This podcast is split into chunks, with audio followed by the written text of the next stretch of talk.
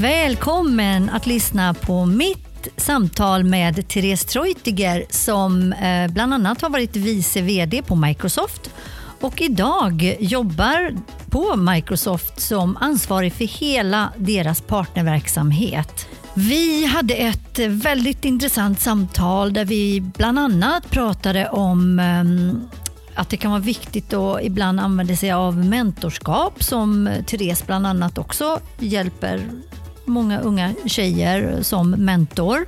Vi pratar om företagsklimat, hur viktigt det är att man ändå ska trivas där man är och att man själv också bidrar till företagsklimatet. Och även drivkrafter och vara sann med sig själv. Och mycket, mycket mer. Så luta dig tillbaka, njut och ta med dig det du vill. I annat fall så hoppas jag att du får en trevlig stund.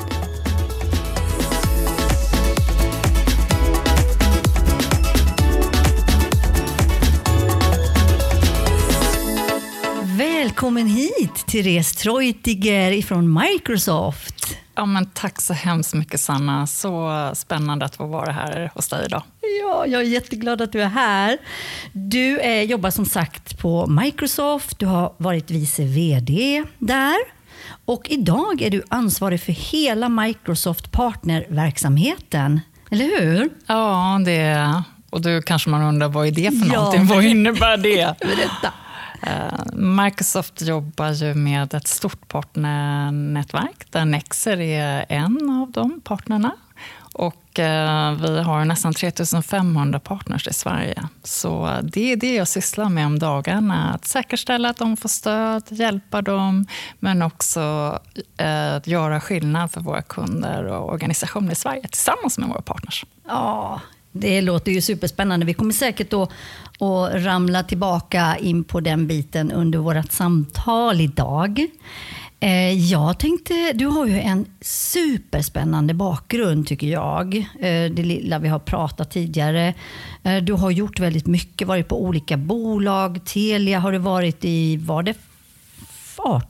Nej, hur många år var det nu? Ja, men 18 år 18. var det faktiskt på Telia. 18 år. Och vad hann du med att göra där?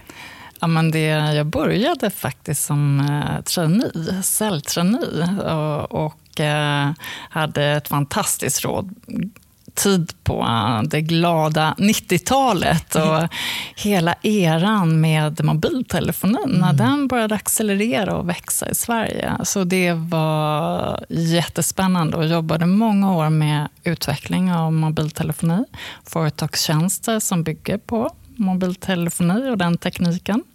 Och sedan så jobbade jag med eh, diverse olika ledarpositioner med analys, strategi, försäljning, men också hela service operations och eh, leveransorganisationen. Mm. var jag också. Så eh, många olika roller i en stor organisation, hände mycket under den tiden. Ja, men det förstår jag och det har ju också bäddat säkerligen för en fin resa även nu på Microsoft. Men om vi ska gå tillbaka några år.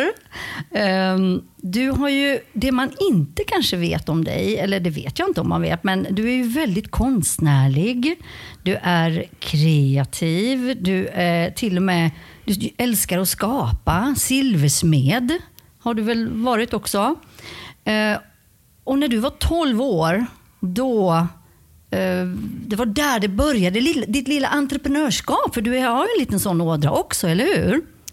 Ja, men det har jag ju. Ja. Uh, och mm, mina föräldrar kan man säga emigrerade för Stockholm när jag var liten och jag var fyra, fem år. De hade en stor pension här i livet och det var våra fyrbetavänner hästar. Ja. Så vi flyttade från Stockholm och landade på landet eh, och bara grusvägar omkring. Lite, får man väl säga, gröna vågen-bönder trodde väl att de skulle kunna leva på eh, ett litet jordbruk där och hästuppfödning. Eh, jag vet, det gick väl sådär kanske, men det var deras passion i livet. Så jag växte upp på landet och på landet där fanns det inga bussar och ingen stad i närheten. Så, och mina föräldrar var inte rika. Så det jag behövde, ville jag ha någonting, då fick jag faktiskt se till att uh, jobba för det. Mm. Så när jag var 12 år började jag att plocka gurkor och även plocka dill. Och då fick jag cykla dit. Uh, och jag ville ha en ny cykel, så det var mitt mål. Ja. Att uh, plocka gurkor, plocka dill. Och det var en och en halv mil? Ja, du... det var 1,2 ja, i alla fall. 1,2, ja, men herregud, fantastiskt. 12 år. Ja, Eh, det är lite skillnad på hur jag skjutsar min son idag, så skulle ja. jag väl vilja säga. Men det, där började jag. Och det var, jag fick jobba för att få egna pengar och det fick jag nu cykel för. De ja. där gurkorna och den där dillen. Men gud, det är ju helt otroligt. Alltså. Men, men det var ju, vi är väl i liknande ålder du och jag. Det kanske, jag vågar kanske, jag vet inte om någon blir arg på mig nu om det var bättre förr, men att man, att man ändå liksom kämpade verkligen. Det gör ju många idag också, självklart. Men det var ju kanske lite annorlunda då. Ja, men det tror jag faktiskt, Anna, att det är. Det, det är klart. Liksom. Jag ser på hur jag skämmer bort eh, min son idag, så, mot vad mina föräldrar också hade möjligheter att kunna ge mig. Mm. Å andra sidan så öppnar upp nya dörrar också. Man får se världen, man kan resa lite mer. Eh, det öppnar också upp för andra möjligheter. Och också en ganska nära relation. För jag fick också göra väldigt mycket själv. Inte alltid så mycket stöd då, kanske av mina föräldrar. Utan jag fick ju faktiskt uh, se till att fixa det där själv och mm. fixa mina jobb själv. Självklart ger det en drivkraft. Ja, Ja, eh. man måste man, man, man, bara ser till på något sätt att, att, att lyckas klara av det. Men du, vad hände sen då när du började växa upp? För du, eh, du har ju alltid varit ganska snabbfotad och driven. Eh, så du, du flyttade väl kanske från den här småstaden framåt? Ja, men det gjorde jag. Jag, eh, jag hade en ganska tydlig bild att jag ville faktiskt eh, ta mig därifrån såklart och det känner väl alla ungdomar. Eh, å andra sidan så nu är jag liksom nästan, nu flyttar man tillbaka, så man går väl en sån här cirkel i, i livet. Men innan jag verkligen började med mina studier så hade jag faktiskt ett, också ett, ett vägvalsfundering. Och det var ju tillbaka till det du sa, det här med min konstnärliga ådra. Och det var ju att jag eh, älskade att jobba med silver, alltså skapa smycken, skapa olika eh, former eller eh, olika vaser och liknande i i silvermaterial. Och, jag var väldigt duktig på det. Eh, lite för, alla blev kanske lite förvånade, så här, var, var hon fått det ifrån? Men jag var jätteduktig på det och, och hade en känsla för att, att skapa sig olika former och fick en, en väldigt fin faktiskt praktikplats eh, som jag hade möjlighet men, men att, att få på en av, av Sveriges ledande då, silversmeder, eller hos en av världens mm. Sveriges ledande silversmeder. Men, men jag tog inte den chansen. Det, det var en ganska stort skifte i vägval. Utan jag valde mer den traditionella vägen och eh, for till Frankrike direkt efter eh, skolan i, i, i gymnasiet och studerade där i ett år. Och det var väl lite kanske en, en fågel på fri fot. Eller fågel som släpptes ur en bur. Komma till Paris och lite andra ställen. Men det var en uh, kul tid. Ja, det ger väl mycket också att kunna klara sig helt och hållet i princip på egen jag bodde i USA ett år och, och fick klara mig. Jag var bara 17 år gammal. Så att jag, det har givit jättemycket, så jag antar att det här måste också ha givit otroligt mycket att kunna få. Vad pluggade du där förresten? Ja, men jag pluggade ju eh, franska eh, och sedan pluggade jag även eh, ekonomi och kulturvetenskap hette det på den tiden. Ja.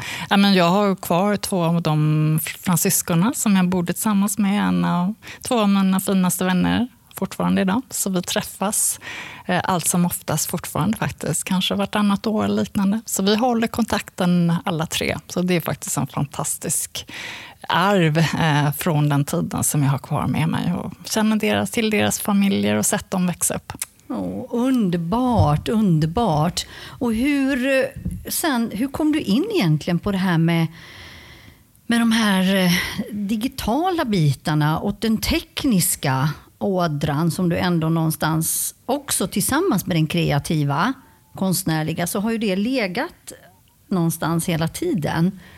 När, när fick den blomma? Ja, men jag hade ju en, en, jag var duktig liksom i matematik och naturkunskapsämnena.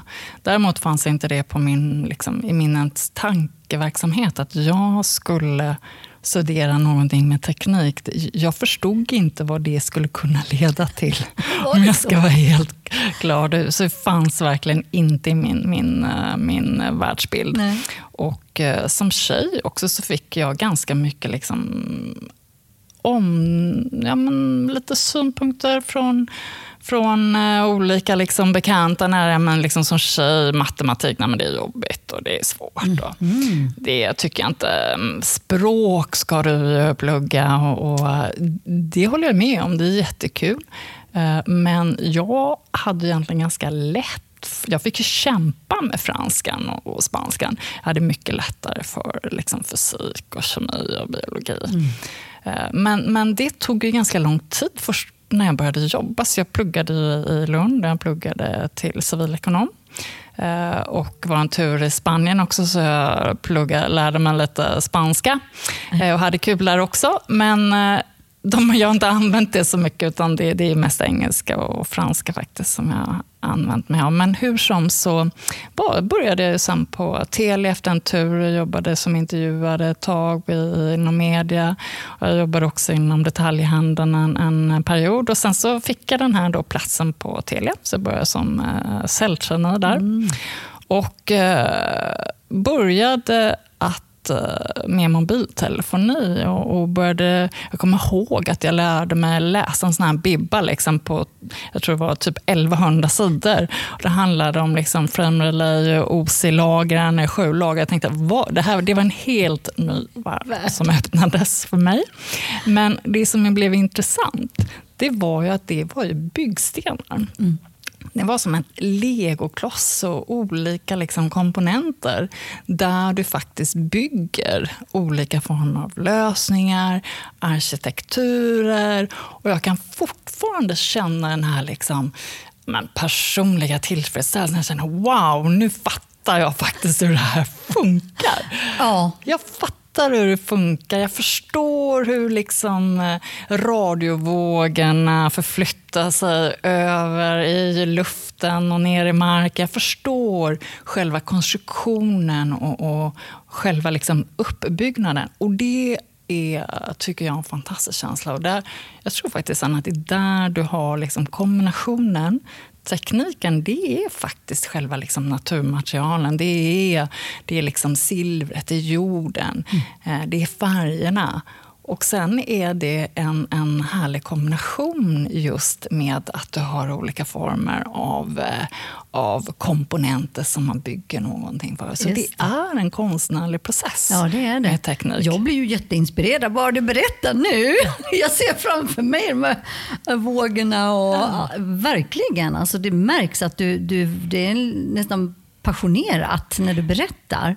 Ja, men jag har också en um, stor respekt för vetenskapen. Och Det är så otroligt viktigt också att vi som Sverige verkligen investerar i forskning i olika former grundforskning i, i mångt och mycket. För det är det sen som ger de här liksom coola startups, coola liksom innovationer och, och mm. som hjälper Sverige också att ta en ledande position. Och jag är ju ansvarig liksom för innovation på Microsoft i Sverige som en del i mitt uppdrag och även för våra startups. Så jag, jag, tycker att det är liksom en härlig möjlighet att, även om jag inte gör allting själv, så får jag vara en del av det som skapas. Ja, det är ju helt fantastiskt, verkligen.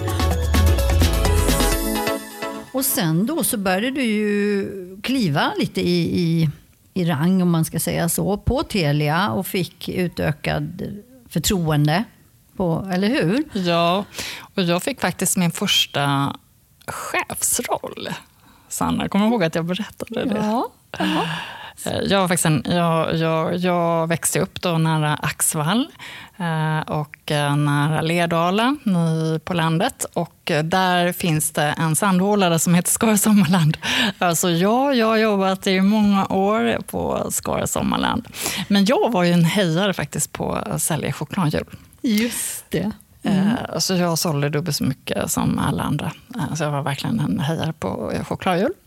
Och eh, då var det någon som konstaterade så här, ah, men du har väldigt snabba fötter, Therese. Så du får bli chef nästa år.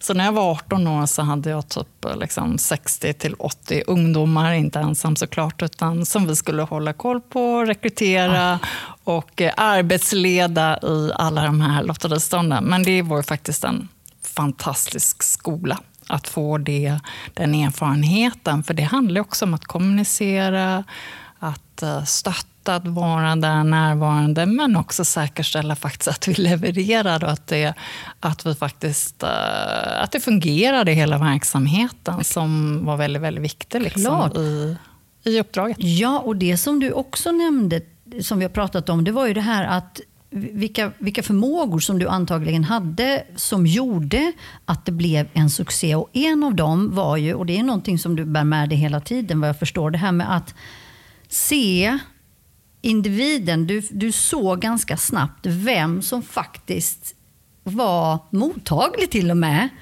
av de här gästerna, eller kunderna, eller vad ska man kalla dem, som var där. Och då approachade du dem på ett sätt som också gjorde att ja, det blev en match. Ja, så det låter ju som en värsta manipulatör. Liksom.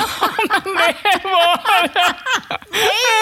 nej, men alltså det är väl ändå så att du ser personen. Det var mer det jag tänkte. Eller hur? Se ja, men det, det, är ju helt rätt. Och du, det är helt rätt, eh, Sanna. För det var ju, det, det, jag har funderat mycket på det. Det är inte bara att jag hade snabba fötter. Det är en del av det såklart. Att du har snabba fötter, snabb reaktion. Men, men det handlade också om faktiskt att, att eh, se människorna som gick förbi. Vilka var intresserade? Vilka kunde, lock, kunde locka till, till chokladhjulet för att de faktiskt skulle spela. Mm. Eh, och, och uh, även om det inte är klart när du arbetar och är chef, så är det en del. Och jag tror att det genuint också finns en, en genuinitet i det. Och det är att vara intresserad av människor. Att vara faktiskt intresserad. Vem är Sanna? Vem är det jag möter? Vad är dina drivkrafter? Vad, hur ser jag att, jag att vi skulle kunna jobba tillsammans och skapa någonting som är spännande och magi? Mm, ja, men det är ju, för det går lite som en röd tråd upplever jag i, din, i ditt sätt att, att leda. Och just det här med ledarskap också är ju en, en, en andra passion eller driv hos dig, som jag förstår det. Du jobbar väldigt mycket just med ledarskap och du jobbar med eh, agilt ledarskap. Eh, det har du väl gjort kanske hela tiden, men väldigt mycket nu på Microsoft. Vad jag förstår, ni, ni jobbar ju också med agilt ledarskap. Ja, men definitivt hela vad vi kallar då det nya arbetslivet som eh, vad man ska säga, kräver en annan typ av ledarskap eh, och också faktiskt riva hierarkierna i ledarskapet där det gäller att skapa en dynamik med människor, mellan människor i olika team mm. för att lösa en väldigt konkret uppgift eller uppdrag. Kanske inte alltid jättedefinierad. Du måste också ha eh, förtroende eh, för dina medarbetare för att de ska våga ta steget, men också lyckas. Och självklart så har ju du som ledare också ett ansvar för att skapa förutsättningarna och visa vägen. Och ibland får du hugga i själv också. Ja, så det är, en, det är en kombination av att vara delaktig, stöttande, visa mm. vägen. Mm. Men också ibland att kliva ifrån för att faktiskt låta individerna skapa själva. Och vara kreativa själva. Som vi borde göra med våra barn kanske ibland. Eller hur? Ja, det är lättare sagt än gjort. Kanske lättare på jobbet än hemma. Ja. Men du, jag tänkte, du, du nämnde någonting intressant nu. Riva hier, hier, hierarkierna. Vad innebär det lite mer konkret? För det tycker jag jag vill höra mer om. Ja, nej men i det jag då liksom företräder och min arbetsgivare Microsoft så, så är det ju att vi... Eh, du behöver inte alltid vara på kontoret. Du, en, en, en, ett arbete är inte synonymt med en arbetsplats och att sitta liksom vid ett skrivbord och tänka att ah, men nu är jag produktiv när jag sitter här. Ja, eller att man ska synas att jag är ja, här och då synas jag. jag här. Och, och, och i den, en mer då traditionell och, och tidigare kanske struktur i ledarskap så har liksom, du har din chef och sen så har du x antal olika underliggande chefer. Och de är synliga och de syns och de är på kontoret och fångar in människorna på kontoret. Mm. Och man ska sitta sitta tillsammans i sin organisation med sin chef. Idag är ju varje individ lite sin egen chef. Ja. Eh, vilket gör också att, att man behöver ju jobba med olika personer i olika grupperingar och faktiskt också ha en eget självansvar, ett eget självledarskap. Ja, där satte vi den. Mm. Eh, och det är ju tjusiga ord, men vad det innebär är ju faktiskt att, att man utanför också den organisatoriska hierarkin behöver hitta grupperingar som faktiskt löser uppgifter. Det är då man får liksom en stark organisation. Men det är ju också att i den mer gamla traditionella chefshierarkin så får du faktiskt lite mindre makt i den nya, om man ska ja. uttrycka sig ja.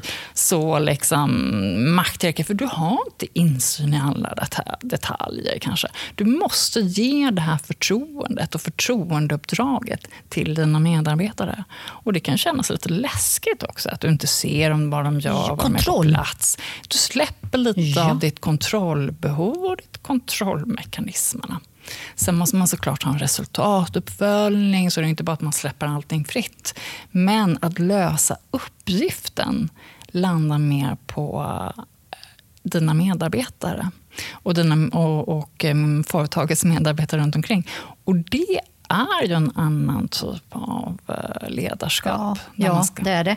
Men, men skulle du hålla med om att det då också uh, krävs en hel del mått av tolerans för misstag, eh, för att man kanske inte gör allting hundra, kanske specifikt initialt om inte annat, men även på vägen. För alla kommer vi ju göra saker som inte är fullständigt top notch hela tiden, för det finns ingen sån människa. Men, men, men håller du med om det, eller, eller tänker jag lite Nej, men jag tror att det är lite olika beroende på vad uppdraget är. När vi pratar om innovation och man ska skapa saker, det finns inte svaret direkt. Du måste göra vad jag kallar liksom, uh, trial and error, alltså testa, försöka ja. uh, för att hitta vägen. Och så det blir ett väldigt agilt arbetssätt för att kunna nå slutmålet. Det finns inte ett facit från början.